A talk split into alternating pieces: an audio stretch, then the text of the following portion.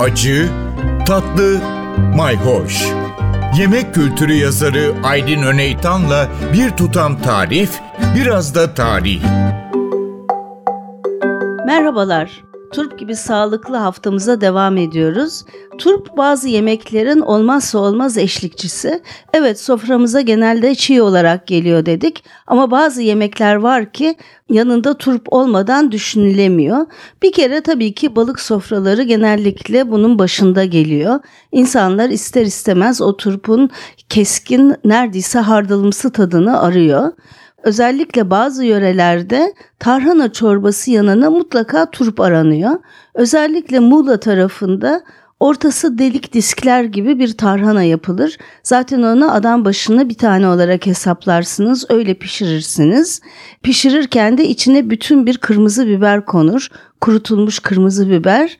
Hatta o tarhanayı pişirirken içine börülce de atılır ve yanında mutlaka teneke tulum peyniri ve turp aranır.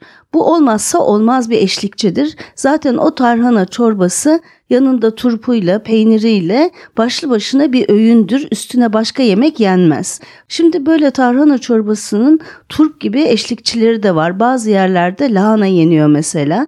Zaten lahana ile turp ailesi birbirinin içinde yakın akrabalar. Turpgillerin bir parçası lahanagillerde.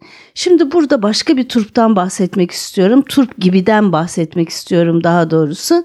O da Kıbrıslıların çok sevdikleri cehennem topuzu. Hatta bizde birazcık daha az korkutucu olsun diye cehennem topuzu yerine cennet topuzu lafı da yakıştırılmış. Alabaş olarak da geçiyor.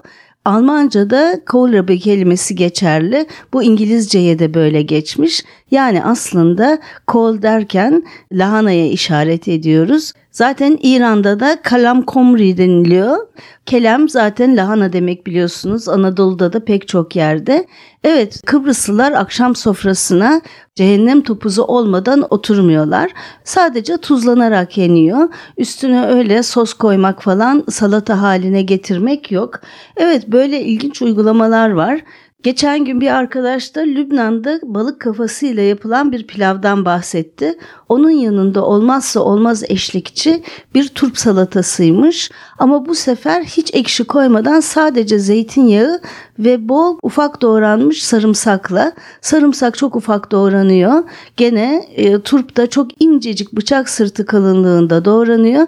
Üstüne tuz ve zeytinyağı bol sarımsakla harmanlanıyor. İşte böyle servis yapılıyor. Evet turp bazen limonla bazen sadece sirkeyle bazen de ekşi hiç olmaksızın sadece zeytinyağıyla ya da olduğu gibi biraz tuzla sofralarda yerini buluyor. Elbette başka tariflerimiz, başka önerilerimiz de olacak. Sadece turpun yanında olduğu yemekler değil, turpa ne yakışır da konumuz olacak. Takipte kalın, hoşça kalın. Bir tutam tarih, biraz da tarif.